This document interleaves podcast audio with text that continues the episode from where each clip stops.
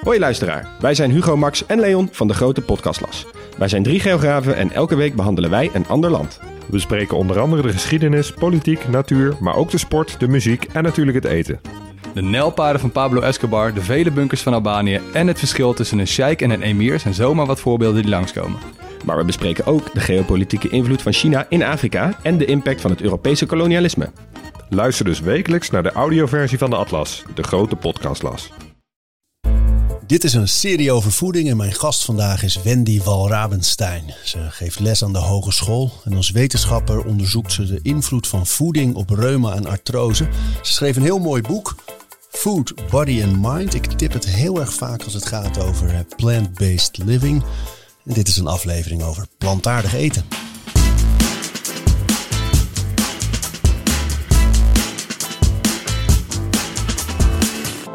Wendy, jouw eigen plantaardige pad begon eigenlijk bij je echtgenoot, Leo. Ja, ja, bij Leo. Ja, nou, ik praat graag over Leo. Ehm, wij zijn al meer dan twintig jaar getrouwd, maar Leo is ook uh, meer dan twintig jaar ouder dan ik. En um, nou ja, wij werkten alle twee. Wij zijn een bankstel. We hebben elkaar bij de bank ontmoet toen ik dus als econoom bij de bank werkte. En um, nou ja, roze geur en maneschijn. Maar in mijn achterhoofd zat toch altijd ook wel ja, een beetje die angst van... oh, als hij nou straks uh, ziek wordt of eerder overlijdt dan ik... Uh, ja, daar ben je gewoon bang voor. En uh, dan, dan ben je dus gewoon ook automatisch um, ja, geïnteresseerd in um, ja, hoe, hoe word je gezond oud. En eigenlijk is het zo dat um, ik moest op een gegeven moment voor mijn werk uh, voor de Rabobank uh, naar uh, Italië. Ik mocht in Milaan werken. En um, nou, daar uh, genoten wij van de Italiaanse leefstijl. Dus heel veel gorgonzola, heerlijke vitello tonato. En uh, nou, dat was allemaal heerlijk. Uh, maar daar was de weegschaal niet zo blij mee. dus wij dachten van, nou oké, dan gaan we bewegen. Dus wij in de heuvels rondom Como, waar we woonden, lekker in de Alpen lopen. En daar kwamen wij dus regelmatig van die ja, uh, krasse knarren, 80-plussers in de bergen tegen, die ons dan inhaalden. En dan daarboven ergens in hun groentetuintjes gingen werken. En ik dacht echt van, nou, maar zouden ze, hoe oud zouden die gasten zijn? Dus ik vroeg het op een gegeven moment. En dan hoorde je dus inderdaad 80, 82. Zo. Ja, en dan denk je echt van, hmm, hier moet ik meer van weten. En uh, nou, dan ga je googlen en, uh, en dan kom je dus al heel snel uit bij de Blue Zones. Dus die uh, vijf gebieden op aarde waar dus gemiddeld uh, tien keer meer 100-plussers wonen dan in het Westen. Ja, dat is op een gegeven moment officieel bestempeld. Hè. Er zijn blauwe zones in de wereld. Daar worden de mensen gemiddeld veel ouder. Hoe ja. komt dat? En toen zijn er allerlei uh, rode draden eigenlijk ontdekt die die gebieden met elkaar gemeen hebben. Ja, klopt. Um, je zou denken misschien is dat genetisch. Nou, dat blijkt dus niet zo te zijn. Maar deze mensen hebben dus wel een bepaalde leefstijl. En die leefstijl die kun je eigenlijk kenmerken als een um, leefstijl waarin je actief bent. Hè, dus fysiek actief, maar ook minder stress. Um, heel ja, actief tot op latere leeftijd. Dus gewoon blijven werken, blijven doen wat je leuk vindt. En dus een overwegend plantaardig voedingspatroon. Beetje mediterraanachtig. Dus dat was ook waar Leo en ik mee begonnen. Uh, meer mediterraan eten. Goed kijken naar wat de Italianen zelf eten. Um, en dat was in die periode, dus al een tijdje geleden, ja, was dat toch veel meer groente, veel meer fruit. En toch eigenlijk ook een flink bord pasta tussen de middag. Dus uh, jippie, want dat is, uh, dat is natuurlijk heerlijk. En, um, ja, en dat werkte eigenlijk wel. En toen op een gegeven moment zijn wij verhuisd naar Zwitserland. Ik ging daar de, toen werken. En um, uh, daar woonden we dus naast een boer. En uh, toen werd er iets ja, aangewakkerd bij Leo. Die zag daar een koe staan en die zat te janken. stond daar eigenlijk te janken omdat het kalfje dus naar, de, um, naar een andere plek werd vervoerd. En ja, Leo is gelukkig een hele gevoelige man. En die had echt zoiets van, ja, maar dit, dit ja, ik weet het niet hoor. Tegen natuurlijk. Ja, ja, ja. Dus die las het boek Eating Animals. Maar ondertussen. Van wie is dat ook alweer? Dat is van Jonathan Safran Foer. Oh ja, ja, ja, ja. Een, een, een heel indrukwekkend boek. Waarin hij eigenlijk de afweging maakt van zal ik mijn kinderen nou wel of niet dierlijke producten geven. En, uh, en dat bekijkt hij echt heel, heel goed van diverse kanten. En, um, en ik zag in die tijd een interview met Bill Clinton.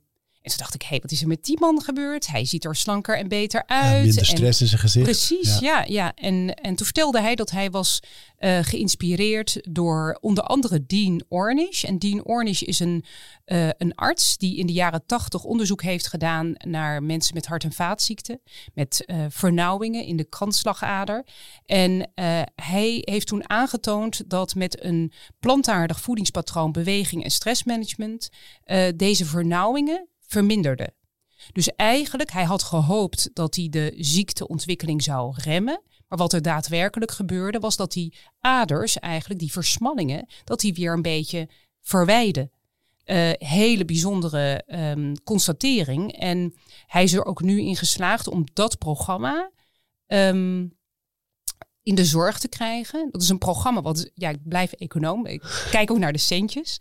Eh, kost 7000 dollar per persoon. Maar dat wordt door alle grote zorgverzekeraars in de Verenigde Staten wordt dat vergoed. Zo, en dat is dan, want je zei eh, beweging, nou dat, dat spreekt voor zich. Ehm, plantaardig eten Ja. en stressmanagement. En, Ja. wat verstaan we onder dat laatste? Ehm, in het programma van De- Dean Ornish gaat het erover dat je dus iedere dag ongeveer een uur besteedt echt aan ontspanning.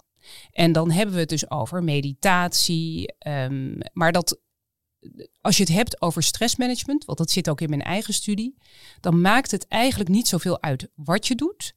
Als je maar dat sympathisch en parasympathisch zenuwstelsel beter in balans brengt. Dus kan voor de een eh, ademhalingsoefeningen zijn, maar ook een boek lezen. Zeker.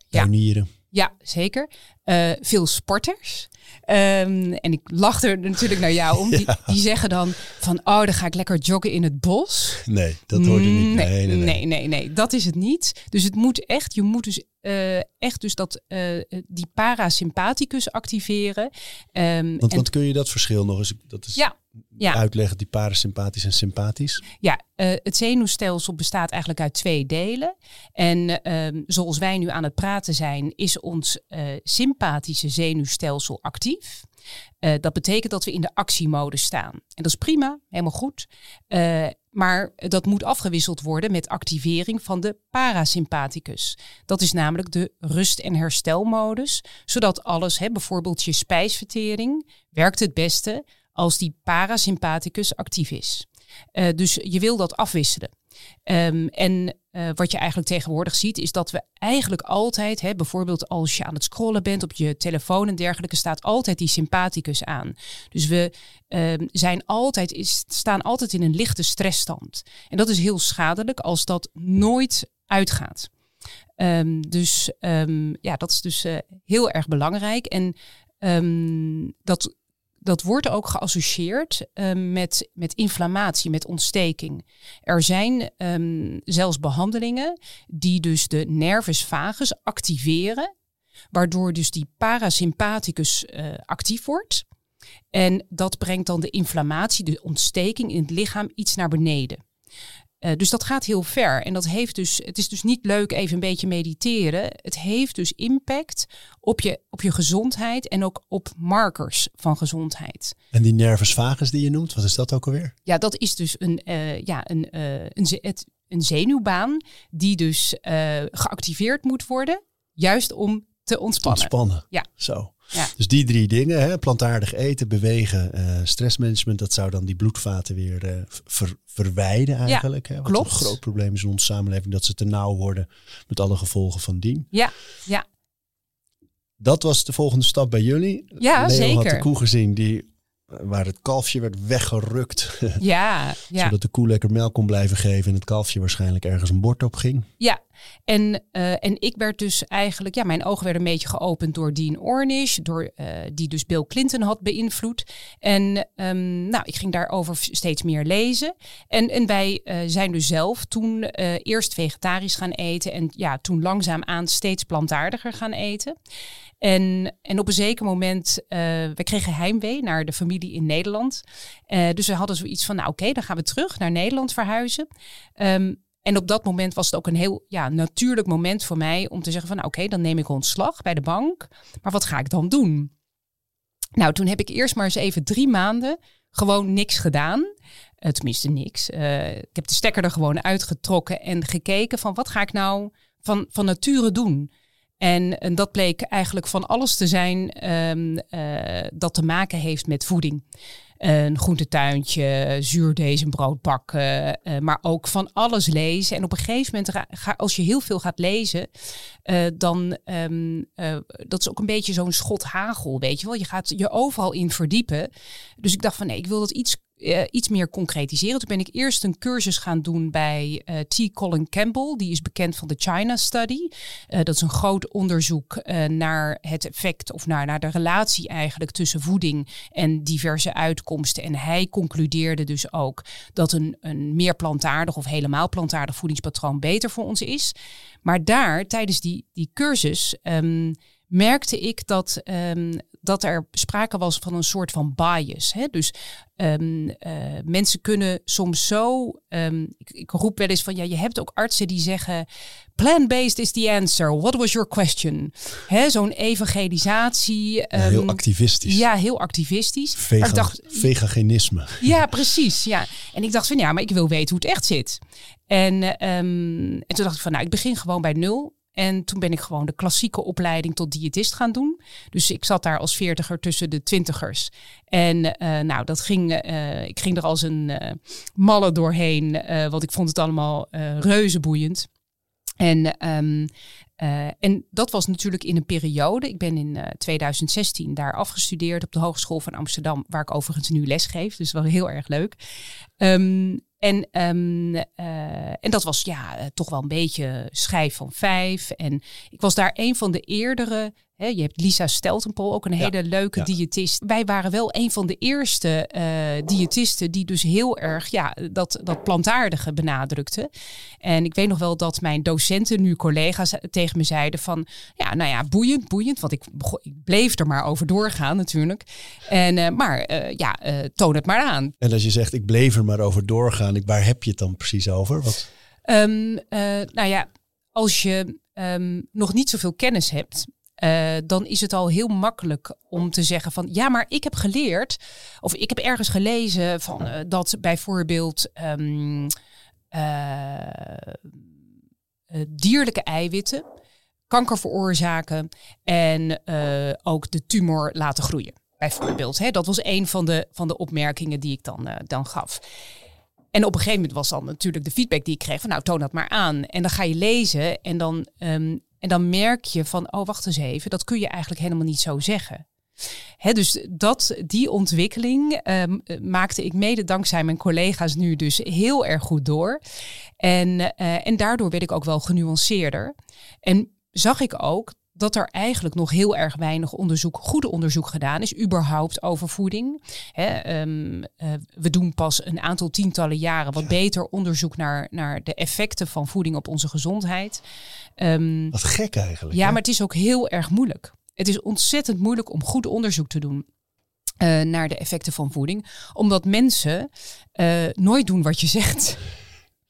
Uh, dus dat is een van de problemen. Um, en het is ook heel duur onderzoek. Dat is ook um, problematisch. En echt goed onderzoek, dat zijn natuurlijk gerandomiseerde en gecontroleerde studies. Um, en ja, die zijn gewoon heel lastig uit te voeren. Want als je het doet, he, in onderzoek wil je vaak ook één primaire uitkomst meten. Terwijl eigenlijk juist het interessante van voeding en leefstijl is, is dat er vaak effecten zijn die je ziet in meerdere uitkomsten. Dus vaak is het zo, mensen verliezen bijvoorbeeld gewicht, maar dat is niet het enige. Hun cholesterol, gaat ook naar beneden, inflammatiemarkers verbeteren en dat soort dingen. Dus het zijn veel meer aspecten. Um, dus dat is heel lastig. Um, uh, maar goed, ja, op zich, uh, wat er is, wijst wel een bepaalde richting op. En daar zijn ook uh, bijvoorbeeld die resultaten van de Blue Zones op gebaseerd. Um, en toen ik dus de opleiding had afgerond, dacht ik van nou, ik wil gewoon eerst eens even zien hoe het echt in de praktijk werkt. Dus toen heb ik, um, ik heb stage gelopen bij kindergeneeskunde bij het VU Medisch Centrum. En daar ben ik ook een tijdje gebleven op de afdeling oncologie. En, ehm, En dat ja, was dus vanuit die opleiding in voeding. Eigenlijk ging je daar stage Ja, lopen. Dus zeker. het ging ook al heel erg over de invloed van voeding op de gezondheid bij zieke kinderen in dit ja, geval. ja, dat waren heel veel eh, patiëntjes met nieraandoeningen. en, eh, en dat was wel heel toevallig dat ik daar terecht kwam. Want een van de grootste problemen waar je als diëtist daar tegenaan loopt, is het feit dat ehm, heel veel kinderen eigenlijk te veel eiwitten binnenkrijgen. En dat is niet zo goed voor de niertjes. Eh, dus de uitdaging was eigenlijk vaak om eh, die eiwitintake wat naar beneden te krijgen. Hoe komt dat dan? Wat, waarin... Nou ja, het is zo dat ehm, kinderen, ehm, want dat hoor je dus vaak, dat, eh, dat men zich zorgen maakt, bijvoorbeeld bij veganistische kinderen, dat ze niet voldoende eiwitten binnenkrijgen. Maar kinderen verbruiken heel erg veel energie. Eh, eh, relatief in termen van gewicht. Dus je ehm, hebt heel veel calorieën nodig, maar relatief heel weinig eiwitten, omdat de eiwitten weer afhankelijk, de hoeveelheid eiwitten eigenlijk vooral afhankelijk zijn van het gewicht. En dan zie je eigenlijk dat kinderen tot een jaar of twaalf eigenlijk vaak twee, drie, soms wel vier, vijf gram ehm, eiwit per kilogram eh, lichaamsgewicht binnenkrijgen. En ehm, zeker als een kind bijvoorbeeld eh, 's ochtends eh, iets van zuivel, veel melk. ehm, als je bijvoorbeeld bedenkt dat ongeveer 1 gram per kilogram lichaamsgewicht oké is. En, en je bedenkt dat een eh, volkoren boterham met pindakaas al 9 gram Heeft. En je denkt aan een kind van bijvoorbeeld 10, 15 kilo. Dan, dan besef je eh, hoe snel je dus al aan die tax bent. En als je dan een kind bijvoorbeeld een hele kipfilet, of hè, dus een halve kipfilet geeft, of een, een hamburgertje, dat gaat dan echt veel te hard. En, ehm, en nieren zijn gewoon heel erg gevoelig voor, eh, voor eiwitten. Hè? Dus het is niet zo dat mensen dan heel weinig, ei- maar je mag vooral niet veel te veel eh Dat is bij volwassenen dus ook nog zo. Dus al die mensen die dan denken van nou, ik, ik neem voortdurend allemaal shakes nog eh, bovenop mijn maaltijden. Ja, precies. Je moet wel, ehm, er zitten wel ehm, aandachtspunten bij te veel eiwit. Dus eh, ik zou bijvoorbeeld ook, ehm, bijvoorbeeld bij, bij sporters eh, zie ik vaak ehm, vanaf anderhalf gram per kilogram lichaamsgewicht eh, tot zeg maar even grofweg 2,5. Nou, ik denk dat dat best oké is. Maar ik zie soms ook wel sporters die drie of meer gram binnenkrijgen. Kijk, en dat is af en toe niet erg, maar als je dat jaar in jaar uit binnenkrijgt, dan is het maar de vraag of dat zo goed is voor je nieren. Oh. Dus, Ja, het heeft ook oh, nadelen. Ik, ik, zeg, ik zeg zelf ook, want ik haal veel eiwit al, eh, proteïne uit, eh, uit voeding. Mhm.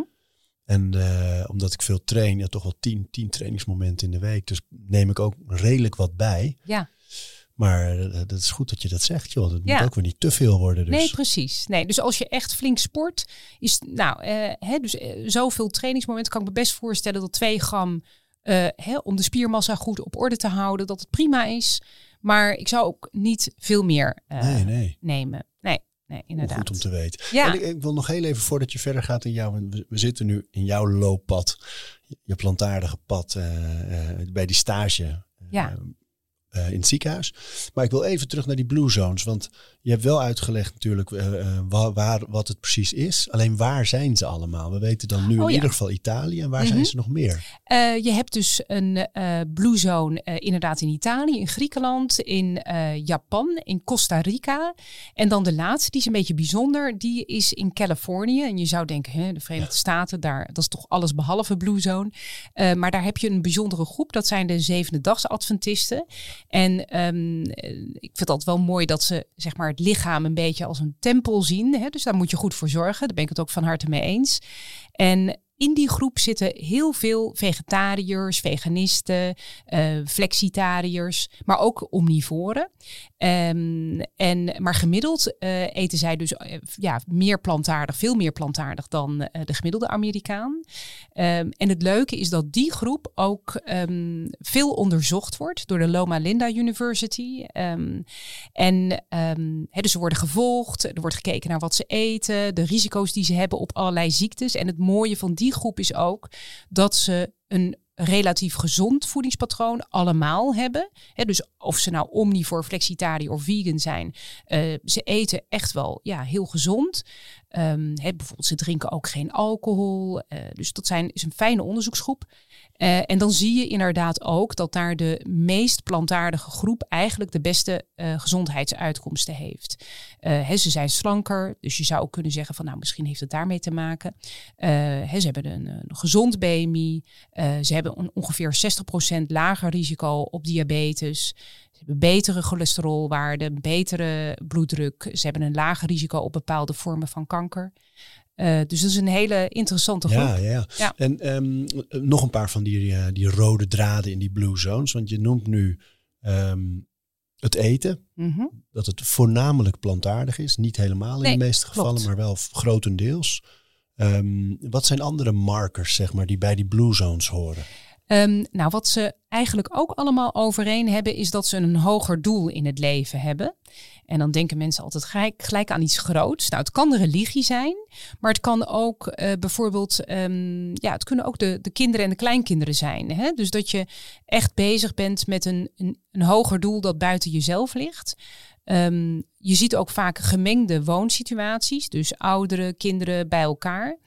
Um, uh, natuurlijk beweging en dan ook natuurlijke beweging. Dus uh, niet heel extreem, maar juist heel spelenderwijs, tuinieren, dat soort zaken.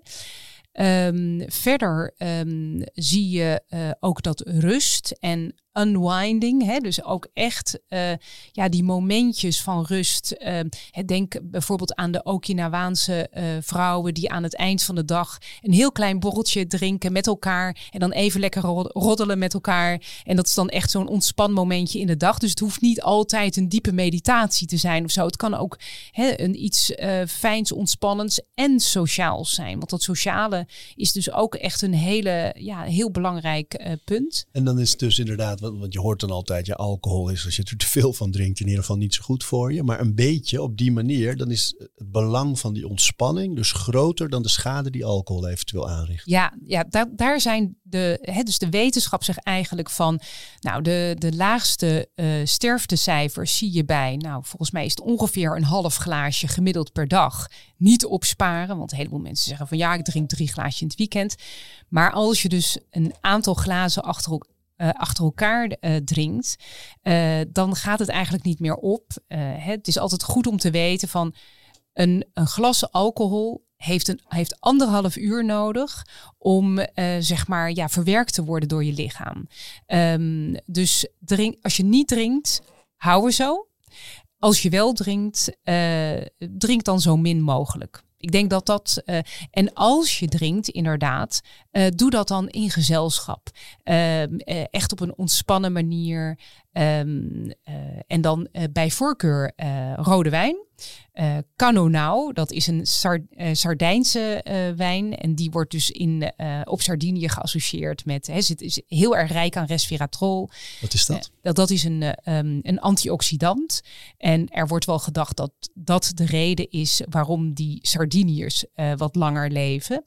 maar goed, dat, dat ja, weten Het gevaar is dan dat mensen die wijn grote getalen in gaan slaan. Ja, je moet wel heel veel wijn drinken. Wil je. Nou ja, en dat heeft weer andere consequenties. Het is wel mooi dat je dat zegt. Want ik, ik heb zelf de laatste jaren uh, een, een soort omslagpunt gemaakt. Dat ik denk, als, inderdaad, als ik alcohol drink, dan wil ik er echt van genieten. Ja. Dus dan, dan koop ik echt een mooie wijn. Echt een, uh, echt een goede en, en helaas ook vaak wat dure. Maar wel echt een mooi product om ervan te genieten. Ja. En dan doe ik een paar dagen met zo'n fles meestal. Ja. En uh, gewoon één, één glas of bij de lunch of bij het avondeten. Mm -hmm. Maar echt heel bewust proeven, smaken. Ja. En mijn kinderen doen het ook na dat slurpgeluid zo met die... Ja, uh, ja. Die... ja. Ja. Dat ja, ja, met hun drinken ook. Ja, ja, ja, nee, helemaal mee eens. Het is ook mijn, uh, uh, um, uh, mijn manier van met alcohol omgaan. Dus zo min mogelijk. Maar als je, ik was pas weer in Italië, ja, en dan in een restaurant van een wijngoed en dan één glas, ja, een fantastische wijn en dan ja, met een heerlijke geur en dan in goed gezelschap met een lekkere maaltijd erbij. ja, dan, dan is het oké. En verder zo min mogelijk. Dus dat is er eentje, dat, dat, dat genieten, ontspannen. Eh, eventueel met, met wijn of, of wat dan, of sake of wat dan ook. Ehm, en gemeenschap is ook belangrijk. Ja, hè? sociale ehm, cohesie, zeg maar, is heel erg belangrijk. Ehm, eh, bijvoorbeeld op Okinawa hebben ze ook een, een bepaalde vorm van ja, een soort vriendengroep eh, die je eh, echt op regelmatige basis opzoekt. Ehm, van mensen die elkaar ook helpen als ze ergens mee zitten. Of zelfs een soort financieel verzekeringspotje of zo met elkaar delen.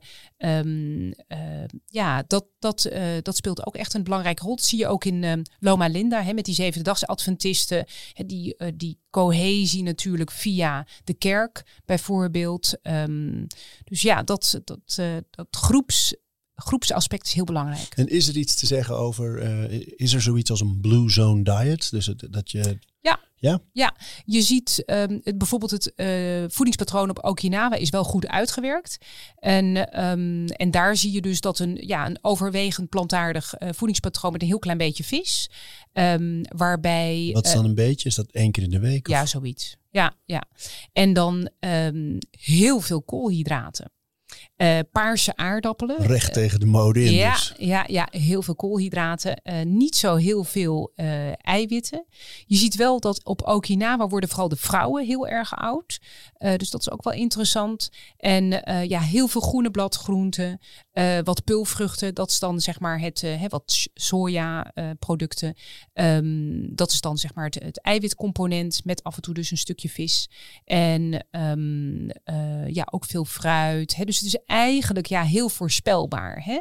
Dus onbewerkte eh, koolhydraatrijke producten. Op Okinawa zijn dat vooral aardappelen, minder rijst. Ehm, en maar wel gekleurde aardappelen, die dus ook heel rijk zijn aan antioxidanten. Is dat waar je het aan kan zien, dat ze gekleurd zijn? Dus Ja. Kleur Ah. is een, een goed teken van eh, ja, eh, de, de aanwezigheid van allerlei eh, goede kleine stofjes. Hè, dus bieten, blauwe bessen, ehm, hè, dus allerlei blauwachtige producten. Die zijn eh, heel erg gezond. Maar bijvoorbeeld ook de oranje producten, hè, de beta-carotene in eh, eh, zoete aardappel en wortels. eh, en ook de donker gekleurde eh, bladgroenten. Ehm, dus ja, eh, eat the rainbow, zeggen ze wel eens. Dat is absoluut, dat doen ze dus op Okinawa heel sterk. Dus, en dan onbewerkt. En dat soort voedingspatronen zijn eh, eigenlijk ook vaak wat lager in vet. Dat verschilt overigens wel heel erg bij eh, per blue zone. Bijvoorbeeld op Ikaria, een eiland eh, in Griekenland. En Sardinië gebruiken ze natuurlijk veel olijfolie. Ehm, maar bijvoorbeeld op Okinawa wordt dan relatief wat minder vet gegeten. Ehm, eh, ja, en dan verder dus eh, noten, zaden, onbewerkte producten. Want dat, het bewerkt eten, dat is natuurlijk in de westerse wereld ook een probleem. Het verpakken van producten ehm, die eigenlijk in natuurlijke vorm nooit zo met elkaar samengaan. Hè, bijvoorbeeld fruit eh, is altijd laag in vet. Of bevat überhaupt geen vet. De enige vette vrucht is avocado en die is niet zoet. Dus zoet en vet is een hele onnatuurlijke combinatie. Die, ehm, ja, dat is gewoon niet goed voor ons. Dat, eh, Maar die dopamine natuurlijk. precies, absoluut. Spiker. Ja, Want hoe absoluut. werkt dat? Dus, het- we, we verlangen er wel naar, naar, naar zoet en vet. Maar het is Ja. dus niet zo goed om het samen te eten eigenlijk. Nee, eigenlijk niet. Eh, tenminste, eh, misschien voor jou wel. Want jij verbruikt natuurlijk wel heel veel calorieën. Dus als jij bijvoorbeeld eh, lekker wat avocado met iets zoets mengt. Maar dan heb je het altijd nog over volledige producten. Waarbij je dus ook al die goede voedingsstoffen meekrijgt. En het probleem natuurlijk met onze huidige voeding ehm, is dat eh, we halen dus de eh, koolhydraten uit de granen, gooien alles wat gezond is weg en vermengen dat met eh, suikerbieten waar we ook al het goede uitgehaald hebben en weggegooid hebben. Eh, vervolgens eh, persen we allerlei zaden uit, eh, gooien ook alle goede dingen weg en houden alleen het vet over. Dus je krijgt een soort extract. Een soort Frankenstein voedsel. Ja, precies. Van heftig bewerkt, bewerkte voeding. En ik zie dat ook toch wel een beetje als een, als een trade-off. Hè? Van, eh, ehm, ik was vroeger een beetje mollig. En ja, ik heb dus geleerd om beter te eten door eigenlijk puur te focussen op, ik wil er ook wat voor terugkrijgen. Dus als ik 100 calorieën binnenkrijg, wil ik ook uh, dat daar goede stoffen. Hè, uh, ik ben heel energiek, ik heb heel veel. Toch die econoom in je? Hè? Ja, ja, altijd even rekenen. Ik hou ook heel, heel erg van spreadsheets met allemaal berekeningen. Terwijl uiteindelijk, en dat is dus de leuke combinatie ook bij voeding. Aan de ene kant kun je het ontzettend kwantitatief maken, maar aan de andere kant blijven het mensen en blijft het ook een creatief proces van gewoon lekker eten maken. Want als het niet lekker is, is het niet duurzaam. Dus um, wat je wil, is, zijn echte producten. Dus wil je zoet? Dadels. Hè, zijn ultieme uh, zoete vrucht. Uh, wil je vet? Avocado's of noten. Uh, prima. Dus, en eet ze dan in hun originele verpakking. Uh, dan krijg je namelijk natuurlijk heel veel calorieën binnen. Maar je krijgt dan ook heel veel uh, vitamines, mineralen en allerlei kleine stofjes waarvan al bewezen is dat ze een goed effect hebben op onze gezondheid. Dus dat is wel, en dat zie je, dus, dat zie je natuurlijk ook in die blue zones. In de blue zones um, ja, wordt onbewerkt gegeten. Dat is heel simpel. Dus eet gewoon wat je herkent. Um, en als je dan bewerkt eet, bijvoorbeeld appeltaart is natuurlijk bewerkt eten. Maar het is... Ja, want bewerkt, even voor de duidelijkheid, dat is dus eigenlijk alles waaraan uh, een, een, menselijk proces of een productieproces aan vooraf is gegaan. Van ja. hebben we dingen samengevoegd, ja. zo'n beetje alles wat in de supermarkt ligt. Ja, precies. En dan is er nog een verschil, hè? want je kunt natuurlijk ook zelf uh, volkoren gaan kopen en een hele ambachtelijke appeltaart maken. Uh, dat scheelt al dat je het zelf maakt, dan weet je ook wat erin gaat.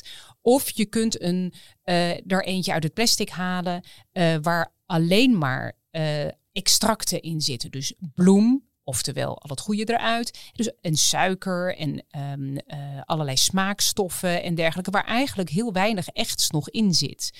Uh, dus er is wel een soort bandbreedte van bewerktheid. Want bijvoorbeeld kaas en brood en ongezoete sojamelk zijn natuurlijk ook bewerkte producten. Olijfolie is uitgeperst, ook bewerkt.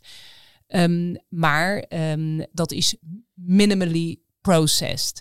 Terwijl je hebt ook dus zeer processed. Nou, daar kunnen we ons wel wat bij voorstellen. Een frikandel, een donut, uh, een, een uh, bepaalde chocoladerepen met nootjes erin en dergelijke.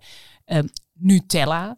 Um, uh, ja, wat is Nutella? Dat is uh, ja, een extract van, van vetten en een extract van suikers. Ja, en dat is het eigenlijk. Ja, maar het is zo moeilijk. Hè? We, we halen vaak boodschappen bij, uh, bij Crisp. En dan heb je een Friese chocopasta, hazelnootpasta, busterbaarlijk. en een hele lekkere, echte pasta. Mm -hmm. Maar kinderen, zelfs als ze helemaal niet weten dat het om suikers gaat, maar die kiezen dan toch die Nutella die, die meer romige, veel zoetere pasta. Is dat puur om de suiker, denk je, dat ze daar toch die voorkeur voor ontwikkelen? Nou, ik denk dat dat wel een soort van aangeboren um, verlangen is van de mens naar uh, energiedichte voeding. He, dus, een, uh, dus producten met een hoge energiedichtheid, dus heel veel calorieën per 100 gram. Ik denk dat we wel evolutionair een beetje zo geprogrammeerd zijn om dat te willen. Waarom? Te, Um, nou ja, um, uh, als je vroeger ergens in Afrika op de steppen liep, uh, dan, uh, toen was het handig om dat soort producten lekker te vinden. dat je bijvoorbeeld een soort van onbewust, onbewuste voorkeur had voor vruchten en avocado's en, en allerlei nootjes en zaadjes, omdat dat natuurlijk ja, jouw lichaam heel snel van die calorieën voorziet. En toen ja, liepen we minstens 10 kilometer per dag. Uh, sliepen we op de harde, koude aarde. En, uh, dus als het kon, moest het veel en, en, zoet en fijn. En moest het flink die dopamine lekker. Ja, ja, en we verbruikten natuurlijk heel erg veel. Dus dat, dat lichaam was helemaal ingezet op uh, het vinden van calorieën. En, um, is dat ook de reden dat je als je een beetje zo net iets te lang niet gegeten hebt, dat je dan toch vooral zin krijgt in die zoute, vettige zoetige dingen. Zou best wel eens kunnen. Cravings. Ja. Het is in ieder geval wel zo dat als mensen uh, uh, minder slapen, dan eten ze tot wel 500 calorieën per dag meer. En kiezen ze juist dat soort producten. Dus daar, daar zitten toch wel bepaalde relaties die te maken hebben met vermoeidheid, met uh, ja, toch een, een, bepaalde need die ons, hè, ons lichaam ons uh, aangeeft van hey, je, je komt iets tekort. Uh, dus dat moeten we snel oplossen. Ja, precies. Geen tijd voor duurzaamheid. Ja, ja. terwijl nu hebben we natuurlijk een ander probleem. Het grootste deel van de westerse wereld is te dik. en, um, en onze voeding komt van alles tekort. Uh, dus um, ja, daar, daar hebben we echt een stap in te maken. Dus wij willen juist ook voeding die eigenlijk um, minder calorieën bevat, maar meer voedingsstoffen bevat. En dat is bijvoorbeeld een van de redenen waarom een meer plantaardig voedingspatroon eigenlijk ook past bij de mens van nu, die meer zit, minder beweegt uh, en, uh, ja, en een neiging heeft tot overeten. Um, hey, hoeven er gewoon niks meer voor te doen. De noodzaak is weg. Ja. ja en we kunnen heel veel kiezen. Ja, precies. Van dingen die de quick fix eigenlijk meer uh, bevredigen. Exact. Hè? exact. In jouw eigen pad waren we in het, in het uh, kinderziekenhuis. Ja. ja. Um, en ik moest denken aan het boek waar je eerder over vertelde van Jonathan Safran, Fur Eating Animals. Daar had je daar natuurlijk heel erg mee te maken van uh, ouders, durven ouders het aan om kinderen plantaardig op te voeden? Ja, nou plantaardig adviseerde ik ze daar niet hoor. Maar um, ja, het was de, nou, het, het, was gewoon een uitdaging om bijvoorbeeld uh, te zorgen dat een stukje vlees halveerde. Uh, dat er misschien iets minder glazen melk uh, gedronken of yogi drink nog erger gedronken werden en zo. Dus dat was eigenlijk meer de uitdaging. Um, en kort daarna ging ik dus bij oncologie werken, waar je dus te maken hebt met mensen die chemotherapie krijgen, onder andere. En dan heb je maar één doel. En dat is dat uh, deze mensen niet onder voet raken. Want uh, je, je, kunt je voorstellen, je hebt dan minder zin om te eten. Uh, en je bent ziek. dus je spiermassa breekt af. Dus dan heb je maar één doel. En dat is zorgen dat deze mensen voldoende calorieën en vooral eiwitten binnenkrijgen. Dus um, en en dan zie je ook dat de, um, de insteek dan heel erg is van meer melkproducten met name. Ook alle medische voeding is gebaseerd op melk. Um, en daar kwam ik dus wel eens uh, in de problemen met uh, bijvoorbeeld mensen die zeiden van ja, maar ik, ik ben vegetariër, hoe doe ik dat dan? En, uh, en dat was wel leuk. Toen werd ik er dan altijd bijgeroepen van Wendy, we hebben weer een vegetariër, kan jij even komen? Hè, want ja, ik was dan toch wel iets handiger in het zorgen dat ze dan eiwitverrijkt meer plantaardig aten. Uh, en um, uh, ja, de adviezen in de ziekenhuizen luidt vooral um, ja, meer melkproducten. Terwijl ja, we hebben ook pulvruchten. En uh, Nederlanders eten veel te weinig pulvruchten als ze ze al eten. Ja, wat zijn de pulvruchten ook weer allemaal? Kikkererwten, linzen, bonen en uh, mungbonen, zwarte bonen, kidneybonen. Hè? Dus je hebt honderdduizend soorten uh, uh, pulvruchten. Er is een enorme variëteit. En in Nederland en überhaupt in de westerse wereld eten we veel te weinig pulvruchten. Terwijl pulvruchten geassocieerd worden met allerlei goede gezondheidsuitkomsten. Hè? Lager, um, lagere bloeddruk, beter cholesterol. Um, er is pas ook een leuke studie verschenen waaruit bleek dat een um, voedingspatroon rijk aan uh, pulvruchten uh, ten opzichte van een ander gezond voedingspatroon eigenlijk betere uitkomsten geeft voor mensen met diabetes. Dus ook voor mensen met diabetes is meer pulvruchten eten echt heel erg goed. Um, en we hebben tegenwoordig Otto Lengi, dus die geeft ons allemaal fantastische recepten met pulvruchten. Um, uh, ja, het is uh, iets waar eigenlijk een kleine stap waarmee we onze voeding heel erg veel gezonder zouden kunnen maken. Dus meer pulvruchten eten. Um, en, uh, maar ik kreeg ook wel eens uh, patiënten um, die zeiden van ja, maar die medische voeding, dat wil ik niet, want ik wil het biologisch en ik wil het plantaardig. En, nou, en dan ging het wel eens zo ver dat ik uh, een receptuur maakte voor huisgemaakte zondevoeding met kikkererwten en spinazie. En dat ging dan in zo'n zak en dan via een, een buisje. Zo, dat is wel helemaal op maat. Ja, ja, ja. Dat, dus dat waren wel leuke, leuke dingen. Maar was moeilijk schaalbaar in de ziekenhuizen Zeker, ja ja, ja, Nou, je zou er een bedrijf van kunnen maken. Zo. Inderdaad, verse aangeleverd. In de markt. Ja, zeker. Ja, ja. Dus nou ja, dat was heel erg leuk. En toen heb ik ook een tijd, uh, ik heb ik heb een eigen praktijk, dat heb ik een tijd uh, aangehouden. En daar zag ik dus echt vooral de mensen eigenlijk uit het hele land uh, met allerlei uh, gezondheidsvraagstukken, die dus um, al plantaardig aten of juist meer plantaardig wilden eten. En, nee, en op een gegeven moment zit je dan vijf dagen in de week de ene na de andere uh, cliënten of patiënt uh, te adviseren. En, en toen kwam ik echt precies op het juiste moment uh, Dirk-Jan van Schaardenburg tegen. En een uh, goede vriendin van mij heeft uh, reuma. En uh, Dirk-Jan is haar reumatoloog. En ja, ze is echt van, een autoriteit in Nederland. Hè? Ja, Dirk-Jan is, is dus hoogleraar bij het Amsterdam UMC, reumatologie. En um, is gespecialiseerd ook in het ontstaan van reuma. En, um, ja, en sinds een aantal jaren heeft hij dus gezegd van ja, ik wil gewoon meer die focus op leefstijl, met name voeding. En um, mijn vriendin die zei van ja, ik moet, uh, ik moet, uh, moet je nou horen, ik moet ook vegan gaan eten. Dus ik dacht van nou, met die man wil ik praten. Dus ik stuurde, ik stuurde hem een mailtje en ik vroeg van nou, ja, gaat dat een beetje hè, met die uh, patiënten? Toen was het gelijk van nou, kom maar langs. En ja, zegt hij ja, dat ja, en daar moet ik altijd wel om lachen. Uh, Dirk-Jan is zo'n zo'n mens van als je um, wetenschappelijk aantoonbaar kan laten zien dat iets gezonder is, dan doet hij het gewoon.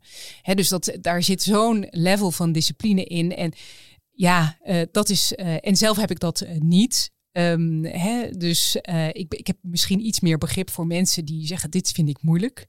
En maar Dirk-Jan zegt: van, Waarom doen ze dat niet? Is toch beter voor ze?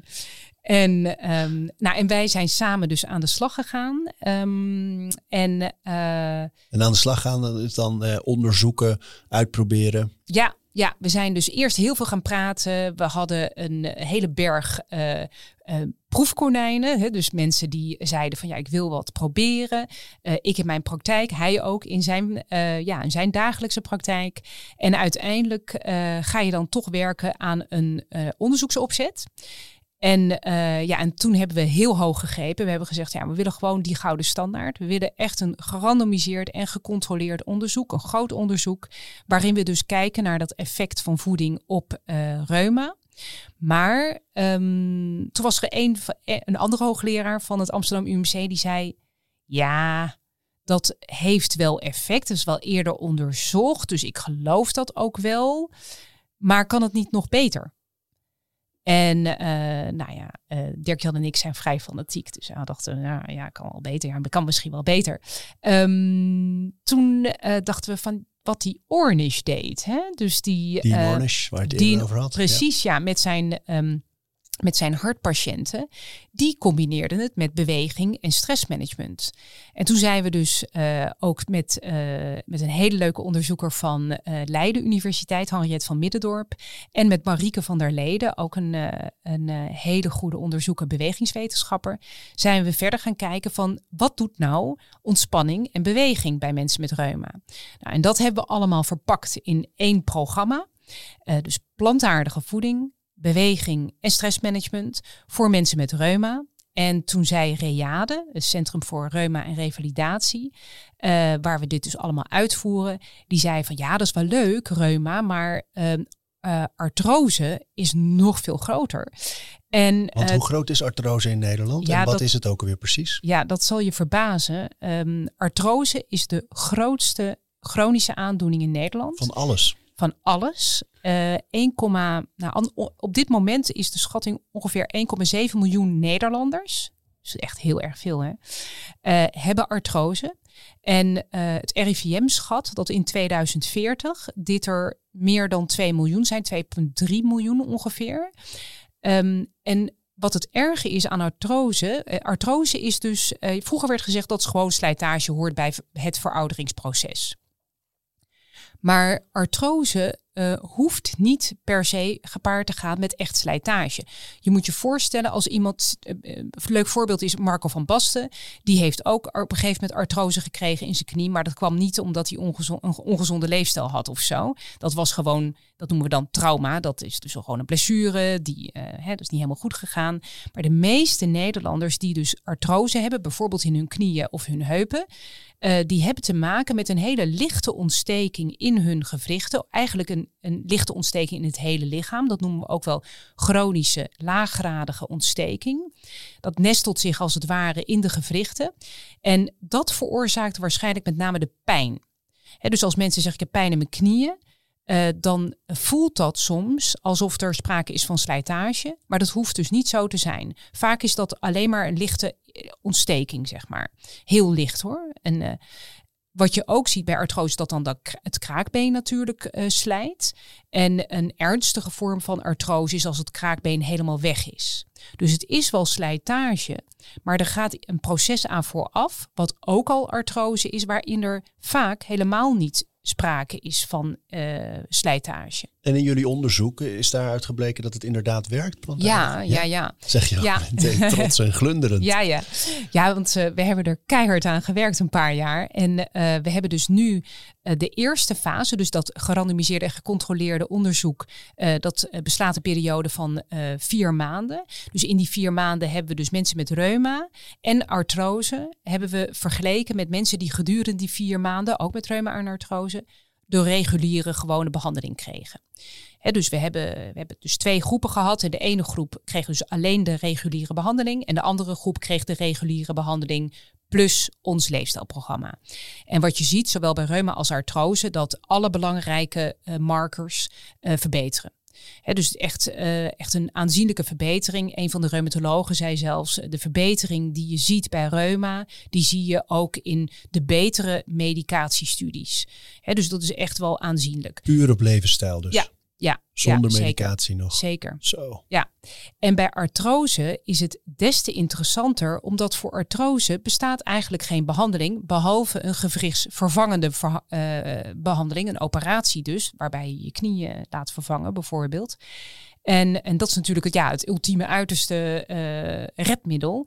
Um, maar uh, wat, je, wat je daar dus ziet, is dat de pijn vermindert, de stijfheid vermindert um, en het fysieke functioneren. Mensen kunnen dus na die vier maanden veel meer dan dat ze daarvoor konden. Maar hoe komt dat dan? Dat je, als je vooral plantaardig eet, dat dat minder is allemaal? Ja, dat heeft te maken Um, een, ook een, een mooi voorbeeld trouwens, even nog tussendoor, van hoe dan die inflammatie werkt. We hadden één mevrouw van 73 en uh, echt een fantastisch mens. En die deed dit.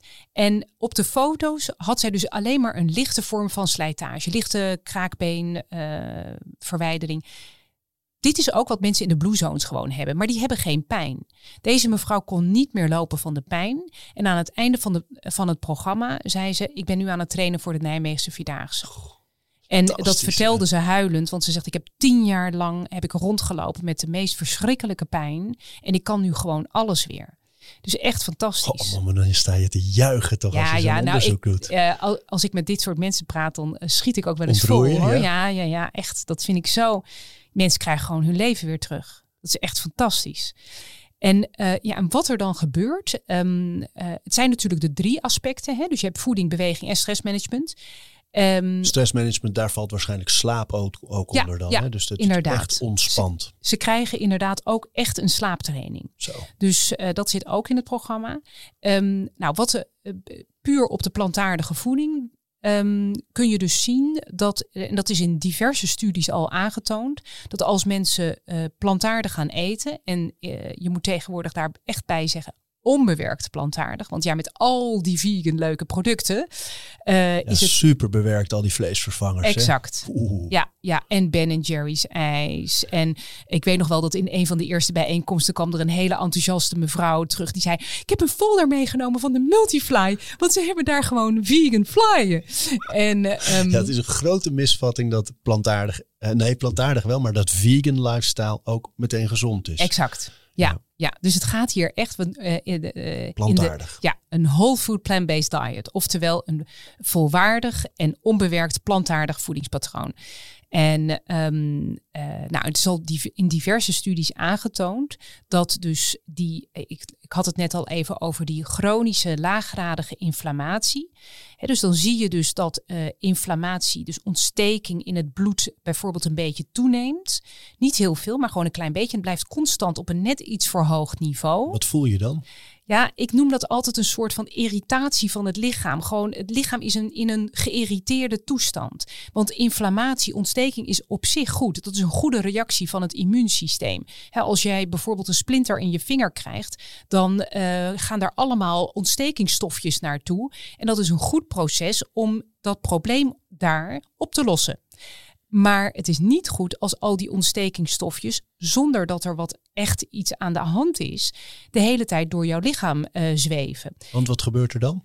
Nou, dan uh, kan bijvoorbeeld, de een krijgt, uh, wat je bijvoorbeeld ziet, is dat buikvet eigenlijk metabool actief is en zorgt voor een verhoogd level van die ontsteking.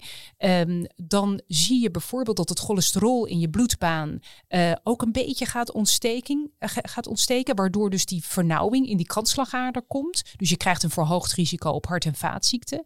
Een hoger level van ontsteking wordt geassocieerd ook met verhoogd risico op kanker. Dus je wil ontsteking, wil je dat, dat niveau wil je omlaag brengen.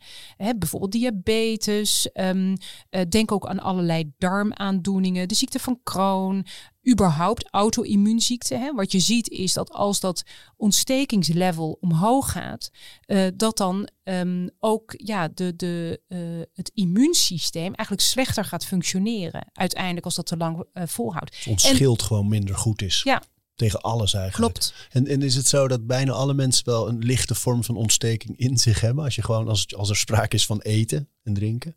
Um, nou, een uh, leuk voorbeeld is een, een, mevrouw die ik al jaren begeleid. Zij heeft een hele zeldzame aandoening, waardoor haar spiermassa heel ja, uh, afneemt. Het is een genetische afwijking. En um, zij is dus ook helemaal plantaardig gaan eten. Wij, bij haar hebben we dus een heel eiwitrijk uh, plantaardig voedingspatroon ontwikkeld. En, um, en zij heeft een extreem laag um, uh, inflammatieniveau. Dus wij hebben altijd wel iets en dat is normaal. Dus je, je hebt altijd wel iets van um, uh, uh, ja, um, uh, ontstekingswaarde in je bloed zitten. Maar je hebt dat het liefst zo laag mogelijk. Onder een bepaald level. En dan voel je het ook niet. Heb nee, je geen last van. en dan is dat van. immuunsysteem gewoon sterk. Exact. Het kan het gewoon hebben. Ja. En nu je dit zegt, denk ik ineens van um, een, een, rijk, eiwitrijk plantaardig voedingspatroon. Ik had me voorgenomen als jij te gast was. ik, ik verwijs ontzettend vaak naar je boek, hè, Food, Body, Mind. Een mooi plantaardig werk. maar om ook even een lijstje te geven van wat zijn nou de, de planten, groenten, uh, peulvruchten enzovoort, waar veel proteïne in zit. Want ik merk dat als ik er zelf iets over roep, dat mensen heel vaak vragen van ja, maar je moet toch vlees eten om veel proteïne te krijgen. En waar zit het dan allemaal in? Mm -hmm. um, uh, nou, in een plantaardig voedingspatroon uh, maak je uh, in plaats van zuivel veel gebruik van sojaproducten. Hè, dus soja, yoghurt, sojamelk, allemaal ongezoet bij voorkeur. Um, tegenwoordig zie je ook wat andere producten op de markt komen. Hè? Um, uh, uh, plantaardige zuivel op basis van erwtenproteïne bijvoorbeeld. Wat wel goed is om te weten is dat al die plantaardige zuivel Um, dat het grootste gedeelte daarvan, dus denk aan amandelmelk, havermelk en zo, daar zit geen proteïne in, geen eiwit in. Dus dan moet je echt even kijken. Hè? Dus bij soja gaat het eigenlijk altijd goed, maar bij haver, amandel, nou als het ongezoet is, is het prima om dat bijvoorbeeld in je koffie te doen, helemaal geen probleem, maar er zit geen eiwit in. Dat is wel belangrijk om te weten. Nou, dan um, is het zo dat je uh, natuurlijk uh, pulvruchten hebt. Eigenlijk is het zo dat als je plantaardig eet, moet je iedere dag een paar ja, uh, toch een, een, bepaalde hoeveelheid eiwitten uh, binnenkrijgen via pulvruchten. Betekent dus bijvoorbeeld tussen de middag uh, um, linzensoep. Um, je kunt een kikkererwtensalade maken. Natuurlijk ook hummus. nou, als je het, zeker als je het zelf maakt en je zorgt dat de kikkererwtcomponent lekker groot is, heel erg goed. En um, denk ook bijvoorbeeld aan noten dus um, bijvoorbeeld, een, ik zei het net al, een boterham met pindakaas bevat gewoon 9 gram uh, eiwit. Hè? Dus dat is uh, gewoon prima. Heel oké als je daar een glas sojamelk bij neemt of je maakt daar een lekker, lekkere smoothie van met een banaan en nog wat uh, ja, lekkere dingen doorheen. Dan heb je eigenlijk een prima, prima lunch te pakken. En hoeveel hebben we eigenlijk nodig per dag proteïne? Uh, nou, dat verschilt nogal van uh, persoon tot persoon. Uh, jij hebt ongeveer drie keer zoveel, denk ik, nodig als ik. Heeft dat met lengte en gewicht ja, te maken? Ja, dus um, bijvoorbeeld iemand van 60 kilo. als je plantaardig eet, dan heb je toch wel 55, 60 gram eiwit per dag nodig. Dat is gewoon voor iemand zoals ik. En die boterham die... met pindakaas was 9, zei je? Klopt, oh, ja, ja. ja. Ja, en bijvoorbeeld een, uh, uh, een glas sojamelk, daar zit ook iets van 9 in. Um, en het, uh, wat ook belangrijk is, is dat je dat soort. Um, bedenk ook dat bijvoorbeeld in veel koolhydraatrijke producten, zoals rijst en, en brood en zo, daar zitten ook uh, eiwitten in. En die combineer je graag. Het hoeft niet in hetzelfde per se in dezelfde maaltijd. Hè. Dus bijvoorbeeld die boterham met pindakaas is een hele mooie combinatie ook qua aminozuren. Net zoals bijvoorbeeld rijst met linzen. Hè. Dat is een hele mooie warme maaltijd met een curry bijvoorbeeld. Um, maar je hoeft dus niet per se zo'n koolhydraatrijke uh, rijke bron van eiwitten te combineren met bijvoorbeeld linzen, pulvruchten in één maaltijd. Als je dat maar over de dag ongeveer uh, binnenkrijgt. Dus je wil een bepaalde um, combinatie. Dus eet niet alleen maar pulvruchten, want dan mis je bepaalde aminozuren. Je wil dus ook um, aminozuren dat zijn dus de bouwsteentjes van de eiwitten, halen uit uh, bijvoorbeeld granen. en uh, tarwe natuurlijk, maar haver is ook een hele mooie. Rijst, quinoa uh, en, en gierst bijvoorbeeld. Dat zijn ook allemaal mooie, onbewerkte, koolhydraatrijke producten waar ook eiwitten in zitten. En in de groenten? Groente zit um, op zich ook wel um, een heel klein beetje eiwit, hè, maar dat is echt heel erg weinig. Zoals paksoi, Nee, daar zit uh, nee? niet zo heel veel in. Niet noemenswaardig. Nee, nee, nee. nee. Maar het, het, het zijn allemaal hele kleine hoeveelheidjes die uh, bij elkaar opgeteld best wel tot een heel, uh, heel bedrag komen. Um, en ik adviseer mensen die dus uh, bijvoorbeeld helemaal plantaardig willen gaan eten, of bijvoorbeeld sporters of mensen die wegens ziekte toch wel een bepaalde hoeveelheid moeten halen. Um, die adviseer ik ook wel om dan eens een tijdje bijvoorbeeld de eetmeter bij te houden. Überhaupt, hè, dat is van het voedingscentrum. Daarin kun je je voeding bijhouden, een soort voedingsdagboekje. En dan kun je niet alleen zien hoeveel eiwitten je binnenkrijgt, maar je kunt ook zien of je al je vitamines en mineralen ongeveer in de goede range uh, binnenkrijgt. Dus dat is een heel. Ik heb ook wel eens cliënten gehad en daar heb ik dit aan uitgelegd en die zag ik nooit meer terug. En na een paar maanden zeiden ze, oh, ik ben tien kilo afgevallen en ik heb alles in het groen. Dus uh, nou prima. Beschrijf ik overigens ook in mijn boek hoe je daarmee kunt omgaan.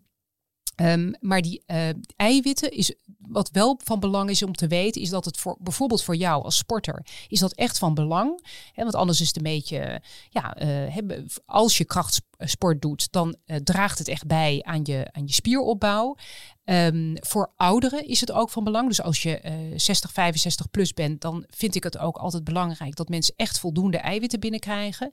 Maar kijk je bijvoorbeeld naar iemand zoals ik, hè, ik ben, uh, word volgend jaar 50, maar zeg je zeg maar tussen de 20 en de 50, um, met een gemiddelde lichamelijke activiteit, um, nou ja, dan is zeg maar je lichaamsgewicht in grammen in eiwitten. Hè, dus als je 80 kilo weegt, 80 gram eiwitten eiwit is een uh, prima richtpunt. En je zegt, uh, oudere mensen die hebben het nodig, sporters hebben het nodig. Is het zo dat uh, mensen die niet heel veel trainen, ehm, dus nog wel heel veel baat bij hebben? Het is eigenlijk voor iedereen belangrijk om proteïne binnen te krijgen, toch? Dat zeker. zijn toch onze bouwstenen zeker. in algemene zin wel? Zeker. Als je bijvoorbeeld, um, kijk, um, wat sommige mensen vergeten is dat eiwitten worden ook gerecycled. Hè? Dus uh, het is niet zo dat wij alle eiwitten die wij nodig hebben uit onze voeding halen. En in dat recyclingsproces, hè, bijvoorbeeld een van de uitkomsten in mijn onderzoek is dat mensen wel wat gewicht verliezen, maar eigenlijk vrijwel geen spiermassa. En dat is wel interessant, omdat ze helemaal niet zoveel He, ze eten gewoon netjes, eh, want wij adviseren ze natuurlijk goed. Dus ze eten gewoon netjes de aanbevolen hoeveelheid eiwit. Maar ze eten dus niet, uh, zeg maar, meer dan dat. En um, en we weten eigenlijk ook heel erg. Een van mijn co-promotoren is Peter Wijs. En dat is een hoogleraar die eigenlijk binnen Nederland zo'n beetje de expert is op het gebied van eiwitten. En um, wat je eigenlijk uh, ziet, is dat we op basis van ontzettend weinig kennis. Um, wat eiwitaanbevelingen doen. Um, en nieuw onderzoek suggereert ook dat binnen een, he, dus voor gewone volwassenen, uh, zeker die dierlijke eiwitten ehm, misschien wel een rol spelen in het verouderingsproces. Ehm, dus ehm, mijn, hè, dus persoonlijk eh, zorg ik er zeker voor dat ik voldoende eiwitten binnenkrijg, maar ik ben er niet op gefocust. En dat is natuurlijk met alle alle voeding zo. Hè. Er is soms echt een extreme focus op bijvoorbeeld eiwitten of mm, een ander onderwerp, magnesium of vetten. Maar het interessante en het mooie van voeding is dat het, het is een prachtig bouwpakket van alle stoffen die we nodig hebben. En hè, ik, ik heb bijvoorbeeld ongeveer 2000 calorieën per dag nodig. En uh, binnen die 2000 calorieën moet je het allemaal binnenkrijgen. Dus um, wat je dan wil, is een zo, zo mooi mogelijk plaatje binnen die 2000 calorieën. En als je er dus wat uithaalt, komt er weer wat voor in de plaats. dus het is niet zo dat ik maar kan blijven toevoegen. dus het is een, je haalt er wat uit en je doet er weer wat in. Uh, dus het is altijd een beetje. dus als ik bijvoorbeeld minder taartjes eet, kan ik daarvoor in de, in de plaats allemaal gezonde. He, dan kan ik een linzensalade nemen en ik wat fruit nemen. En ja, dan bouw ik aan mijn eigen gezondheid. En op die manier uh, stel je het samen. En het is qua bij eiwitten zo dat um, we weten dat sporters meer nodig hebben, dat zieke mensen meer nodig hebben, dat ouderen meer nodig hebben, maar hoe het precies zit en wat de impact is, bijvoorbeeld van het vervangen van dierlijk eiwit door plantaardig eiwit. daar hebben we nu allerlei mooie rekensommetjes voor, maar die zijn op ontzettend weinig gebaseerd. Nog weinig onderzoek. Ja, ja, ja, dus daar ben ik ook wel bij betrokken bij nieuw onderzoek. De Hogeschool van Amsterdam wordt nu gestart met uh, uh, allerlei mooi onderzoeken. Heel erg gericht juist ook op ouderen met overgewicht. Die moeten afvallen. En dat is al heel succesvol gebleken met een eiwitverrijk dieet met krachttraining. Echt super. Maar nu willen we dat natuurlijk nog een keer herhalen. Op een manier waarbij ze ook minder dierlijke uh, producten binnenkrijgen en meer plantaardig. Zowel vanuit duurzaamheidsperspectief, maar ook vanuit het idee dat, uh, dat, dat ze dan dus ook extra bouwen aan die gezondheid. Ik hoor je heel veel eigenlijk over de, het, het variëren. Hè? Dat het, het, vers is en gevarieerd. Dus dat we heel veel verschillende dingen samen eten. Waarom is dat zo belangrijk? Uh, nou, zeker bij, ik zei net al iets over die 2000 calorieën. Daar moet je natuurlijk van alles binnen, uh, binnen passen. Uh, een van de dingen die wij veel te weinig binnenkrijgen in Nederland zijn vezels. En, en je wil eigenlijk. Zelfs in het broodetende Nederland? Ja, nee, oh, we krijgen veel te weinig vezels binnen. Gemiddeld uh, 9 gram per uh, 1000 calorieën ongeveer. En dat moet minimaal 14 gram zijn en liever nog veel meer. En waar zitten ze allemaal in? Vezels zitten in eigenlijk uh, alleen maar in plantaardige producten. Verse, onbewerkte uh, producten. Dus uh, groente, fruit, volkoren granen. maar ook in nootjes, zaadjes. Um, eigenlijk bijna alle, alle plantaardige bijna producten. alles. Het zit eigenlijk alleen maar niet in bewerkte producten of sterk bewerkte producten. En het zit ook niet in alle dierlijke producten. Dus melk en vlees en zo, daar zitten geen uh, vezels in. Um, uh, nou, de, de variatie um, is belangrijk omdat die vezels, uh, die zijn heel erg goed voor ons microbioom, voor de beestjes in onze darmen. En hoe um, gevarieerder de um, hoeveelheid producten is die wij binnenkrijgen, dus dan heb je het over allerlei soorten vezels, uh, hoe mooier dat microbioom eigenlijk is. En hoe mooier ons microbioom is, en mooi betekent heel veel verschillende soorten, en dan vooral veel van de goede bacteriën en minder van de slechte bacteriën. Uh, ook dat wordt weer geassocieerd met uh, lagere inflammatie, lagere ontsteking en betere ziekteuitkomsten, bijvoorbeeld voor allerlei welvaartsaandoeningen. Dus daarom wil je eigenlijk ja, zoveel mogelijk planten eten, verschillende planten eigenlijk eten. En het is prima dat je daarbij af en toe een eentje of wat dan ook eet. Dat is helemaal geen probleem. Hè? Dus ik ben niet anti-dierlijk. Uh, ik zou heel graag zien dat mensen meer plantaardig eten. Um, maar ik heb meer aan heel Nederland uh, die meer plantaardig eten dan aan een paar perfecte uh, veganisten. Um, maar dus als je meer plantaardig eet, dan heeft dat gewoon ja, een goed effect op dat microbiome. Jij krijgt natuurlijk ook veel uh, reacties en vooroordelen uh, over zo'n plantaardige leefstijl. ik vind in, in je boek staat zo'n hele mooie opmerking van iets dat je heel veel hoort als het over gezond leven gaat. Dat iemand dan zegt, ja, maar ik wil toch ook genieten, dan leef ik maar wat korter. Ja. Ja. En dus staat er een meedogenloos antwoord op die opmerking in. Ja. Je leeft niet zozeer korter, je bent gewoon langer ziek. Ja, Kun je exact. dat uitleggen? Ja, ehm,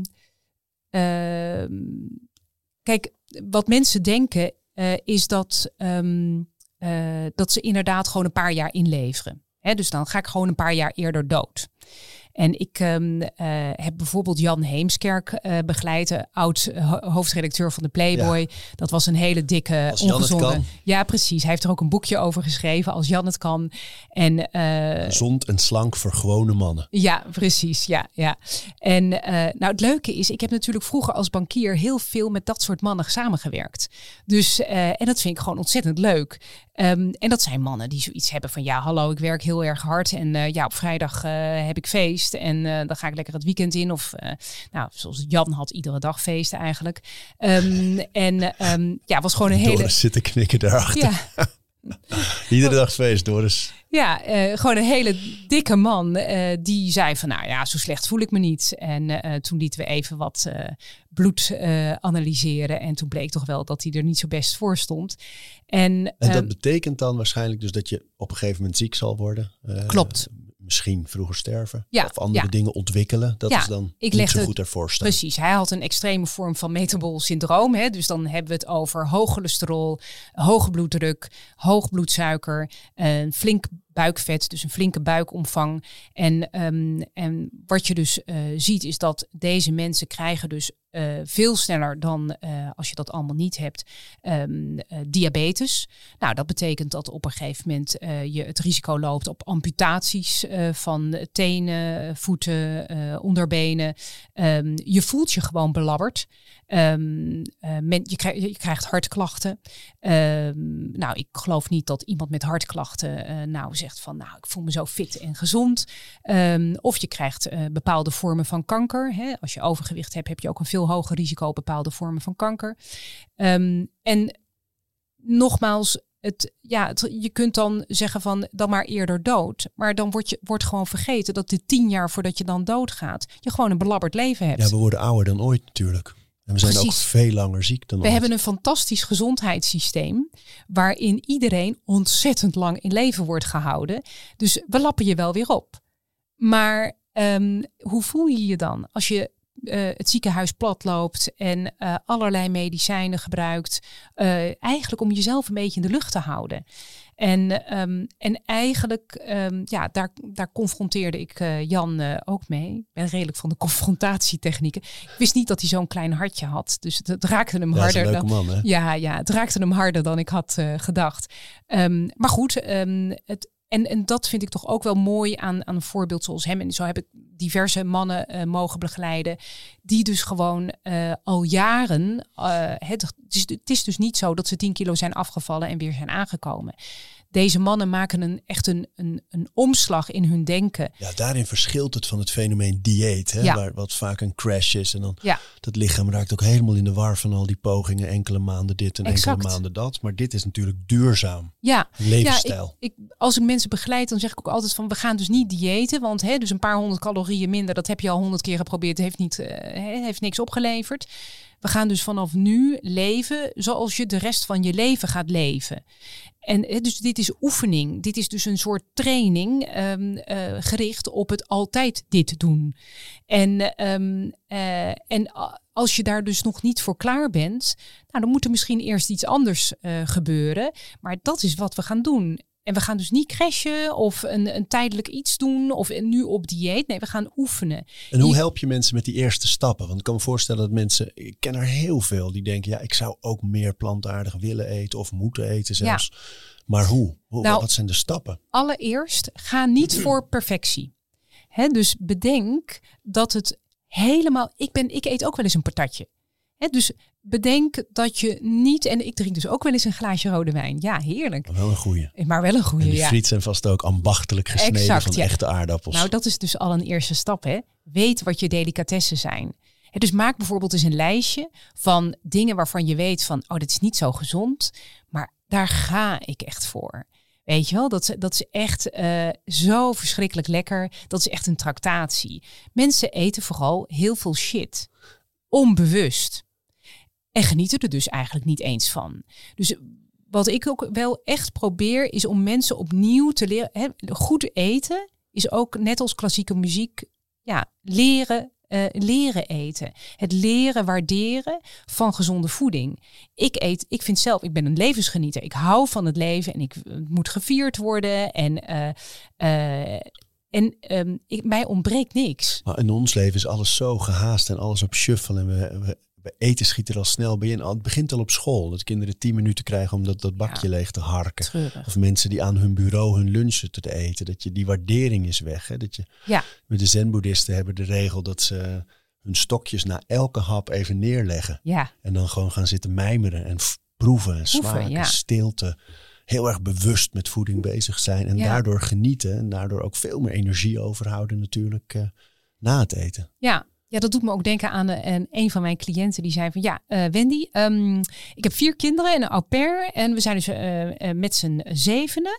En ehm, eh, kun je dan mij helpen zodanig dat er s'avonds binnen kwartier een gezonde maaltijd voor... Nou, nou dat, dat nee. dat gaat gewoon niet. Als jij je leven, hè, dus het heeft ook met het, eh, met het plannen van je leven te maken. Als jij dus je leven zo volgepland hebt dat er geen ruimte is om gewoon goed voor jezelf te zorgen, dan moet je eerst een stapje terug doen. Moet je eerst die ruimte creëren. Dus ehm, inderdaad, mensen die bijvoorbeeld geen plan maken. In het begin eh, moet je gewoon heel planmatig werken. Want het, dit is allemaal vrij simpel. Ja, je moet die gewoonte is gaan niet- bouwen. Precies, het is niet makkelijk. Hè? Nee. Wat jij ook altijd zegt. Hè? Je Ja. moet een routine erin brengen. En dat betekent dat het in het begin kost dat meer moeite, meer tijd. En wat dan vaak helpt, is om niet alles in één keer perfect te willen doen. Maar gewoon eens een stapje maken. Hè? Dus bijvoorbeeld te zeggen van nou, ik ga de komende weken ga ik gewoon goed ontbijten. Eh, dan weer een next step. De komende weken ga ik eens drie maaltijden, drie maaltijden per dag nemen zonder tussendoortjes. En, ehm, en maak daarbij een soort van eh, top van wat voor jou zeg maar laaghangend fruit is. Wat is voor jou makkelijk om te doen? Als je toch al niet zo'n zoete kou bent, eh, kun je bijvoorbeeld zeggen van ja, eigenlijk eet ik dat een beetje onbewust. Hè? Ga ook na van wat eet ik nou eigenlijk onbewust wat niet zo goed is. Ik had dat bijvoorbeeld zelf bij chips. Bij chips krijg ik altijd bodemdrift, een grote zak. En die, Ja, heb ik hè? ook. Moet Ja, op. Moet op. Ja. Ja. En In de ehm, bioscoop ook met popcorn. Dat je gewoon, als trailers nog niet eens voorbij zijn, heb ik die bak al op. ja, ja, Ja. terwijl de vraag is, vind je het echt lekker? Nee, dat is achterloos. Eh, ja, het is gewoon achterloos. En het is, Of lekker misschien wel, maar ik ben er niet heel erg bewust mee bezig. Het Nee. is echt ook een routine, alleen dan een ander soort. ja, precies. Dus ehm, ja, nee, dat. eh, dus het wegstrepen van de dingen die eigenlijk ja, gewoon niet zo lekker zijn en eigenlijk eh, ook makkelijk weg te strepen zijn. En het vervangen door positief gedrag. Eh, eh, bijvoorbeeld eh, dat je zegt van nou, ik ga één keer in de week, ga ik in plaats van vlees, ga ik een pulvruchtgerecht. hè, dus sommige mensen zeggen wel eens van aardappelen, groenten en een lege plek op je bord. Hè? Dat is plantaardig eten. Nou, dat is natuurlijk niet de bedoeling. Dus aardappelen, groenten en een pulvruchtgerecht. Je hebt heel veel recepten ook erin, hè? ja, ja, ja. fantastisch in het Ja, boek. en, en, en, en de, de recepten overigens zijn ehm, een paar van mezelf, maar ik heb ook een paar uit andere, eh, mijn favoriete eh, kookboeken bijvoorbeeld eh, gehaald. Hè, bijvoorbeeld iemand als Sa- Sarah Britton, Oh ja. My New Roots. Echt een fantastische culie eh, met heerlijke gerechten. Ehm, ook om eventjes te laten proeven. Hè, want dat doen wij bijvoorbeeld in ons onderzoek ook. Als mensen starten, dan krijgen ze een kookworkshop. Vooral ook erop gericht om eh, gewoon eens tien, tien gerechten te maken. En te proeven van wat vind ik nou lekker. Ja, want daar zit het hem inderdaad. Hè? Dat mensen denken, ja, maar ik moet een soort reset, wat in deze jaren helaas een beladen term is geworden, maar een soort reset maken in mijn voeding, omdat ik ineens de gerechten die ik gewend ben te maken en te eten, het moet allemaal anders. En Ja. dat is zo'n hoge drempel voor veel mensen. Dus exact. eigenlijk zeg jij, je moet een, een soort beginperiode inlassen waarin je lekker gaat proeven en uitproberen. Haal er kookboeken bij, haal er jouw boek bij, waar lekker veel recepten in. Ze zijn overal te vinden. En, en ga eerst eens kijken, wat vind ik allemaal lekker en wat is voor mij haalbaar. Exact. Kleine stappen. Ja, absoluut. Kleine stapjes. Ehm, eh, het is net zo, wat dat betreft net als bij bewegen. Hè? Eh, je gaat ook niet van de een op de andere dag een marathon lopen. Je gaat eerst rustig opbouwen, rustig trainen. Eh, hè? Dus dat, dat is bij dit soort dingen ook zo. Want nogmaals, het is, ehm, het is simpel, maar het is niet makkelijk. Het vraagt echt wat van je om um, deze hele omslag te maken. Ik ben er zelf ook jaren mee bezig geweest om te komen tot een leefstijl waarvan ik zeg van nou, dat is gewoon een hele fijne leefstijl. Ik ben, ben er nog lang niet, want je bent, blijft altijd bezig. Wat maakt het nou voor jou zo fijn?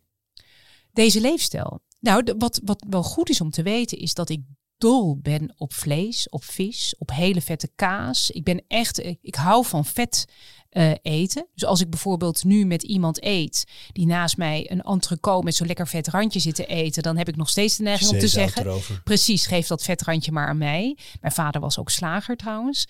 Um, uh, en um, het is heel langzaam gegaan, maar het heeft te maken met A, het is dus niet goed voor me. Dat besef.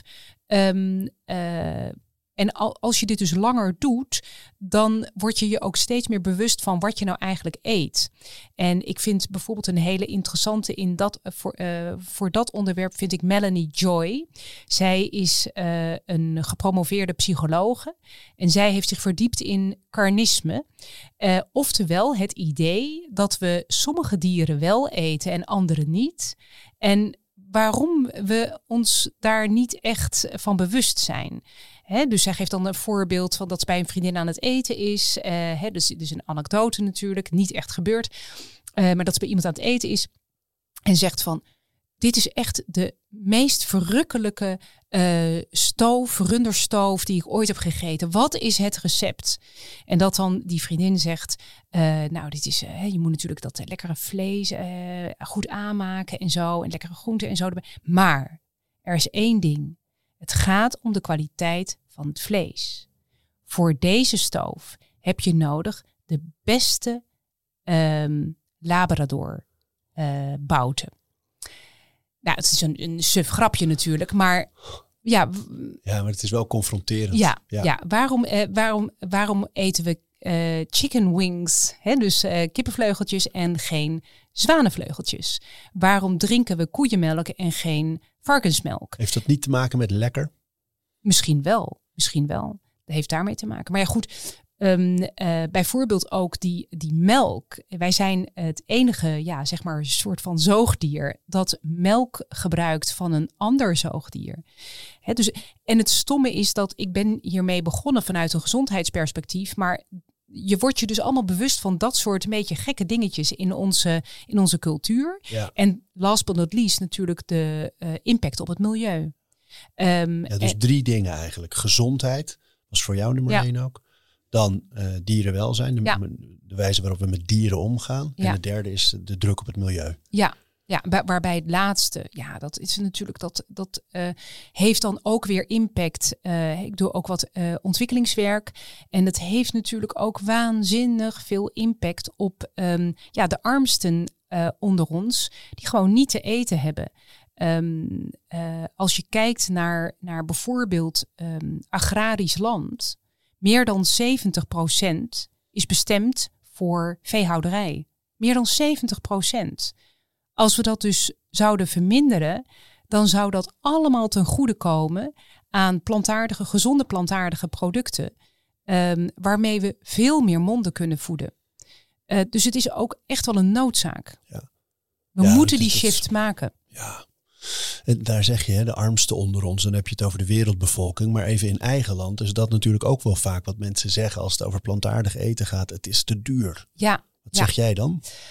Um, dat is ten dele waar. Hè? Dus als je het echt een beetje lekker wil maken, wil je bijvoorbeeld ook eens een keer gerookte tofu van het ene merk kopen, wat echt uh, wat mij betreft ook een beetje te duur is. Aan de andere kant, het is wel mogelijk. Hè? Dus wij hebben natuurlijk in ons onderzoek ook te maken gehad met gewoon mensen uit heel Amsterdam. En uh, hebben dus ook um, uh, recepten ontwikkeld met gewoon eenvoudige ingrediënten. Zeker als je het onbewerkt maakt. Ja, dan, en, en je maakt dus bijvoorbeeld pulvruchten als een van de belangrijkste ingrediënten. Die zijn hartstikke goedkoop. En ik zou ook mensen willen uitnodigen om uh, bij de goedkopere supermarkten gewoon eens rond te shoppen. Daar uh, verkopen ze vaak hele goede groenten. Ja, Lidl hè? Ja, het beste volgens mij super. zelfs. Prijs gewonnen. Ja, ja, echt fantastisch. Dus het kan uh, zeker. Hè. We hebben ook mensen in de bijstand in ons onderzoek zitten en het lukt ze. Um, maar het kost wat meer moeite en, en uh, in het begin ook creativiteit. Maar laat je ook in die zin begeleiden. Hè. We kunnen allemaal um, zowel het eigen risico op van toepassing, maar drie uur diëtist krijgen. Er zijn steeds meer plantaardige diëtisten, dus die gespecialiseerd zijn in plantaardige voeding. En die kunnen je fantastisch helpen bij een, ja, een betaalbaar en gezond voedingspatroon. Ja, fantastisch. Ja, ik vond voor mijzelf was een van de inzichten als het gaat op voeding dat wat je eet je energie is. En je, en je huid, je ja. uitstraling, je, je, je kracht. Dat Ja. al die dingen alleen maar grotendeels daarmee te maken hebben. Dat vond ik zo'n belangrijk inzicht. Ja, Shit in, shit out. Dat, ik heb lang in Amerika gewoond.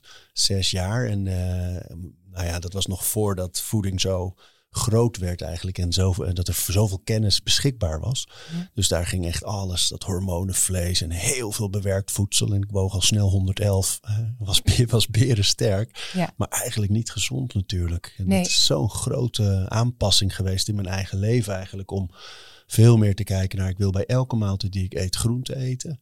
S ochtends is dat bij het ontbijt een shake, eh, s smiddags een salade, s'avonds gestoomde groenten of wat dan ook. Eh, dat proberen we de kinderen ook mee te geven. Maar bij elke maaltijd in ieder geval groente. We eten vooral plantaardig, maar wel zo nu en dan vlees. Maar dan halen we het, nou in ons geval bij de Lindenhof eh, in Mhm. op Koude. Ehm, en heel veel noten, heel veel, eh, ja, gewoon vers voedsel. ja Onze eigen kippen leggen eieren, die Ja. eten we wel. Prima. Maar zo, eh, zo proberen wij het een beetje te doen. We dus wel heel lokaal, heel vers, heel gevarieerd. En niet te veel vlees. Maar jij zegt eigenlijk ook van, ehm, eh, van ja, dat, dat heeft dus impact gehad. Wat was als jij nou eh, het verschil zou moeten benoemen tussen hoe je je toen voelde en nu voelde? Eh, heb je daar, Ja, ik, welke woorden komen dan bij je op? energie al het, het meest, grappig. denk ik. Mhm. Ja, ik vond het grootste verschil. Ik heb ook een paar jaar helemaal geen vlees gegeten. Toen vond ik het grootste verschil hoe ik 's ochtends wakker werd. Dat ik eh, met energie wakker werd, klaar. Mhm. Ehm, dat het was altijd zwaarder, het gevoel, als ik wel vlees had gegeten. Eh, dat vond ik een heel groot verschil. Ik zag het heel erg aan mijn huid. Dat ik veel meer groente had en veel minder bewerkt voedsel. Mhm. En, ehm, en ook gewoon de energie die vertaalt naar sport. Dat ik, ik, ik vind, voor mij is het een uitdaging om heel veel uit mijn leven te halen. Ehm, ik wil, als mijn kinderen thuiskomen en zeggen, of als ik thuiskom na een lange dag en de kinderen zeggen, pap, zullen we nog? Dan wil ik ja roepen. En niet zeggen, nou, ik ben een beetje moe. Of, Eerst even liggen. ja, kom nou. Weet je, dus de- daar gaat het voor mij heel erg over. En ik heb gewoon heel sterk gemerkt dat wat ik eet, eh, dat is een, direct van toepassing op hoe ik me voel in energie, in kracht, in veerkracht en ook in optimisme.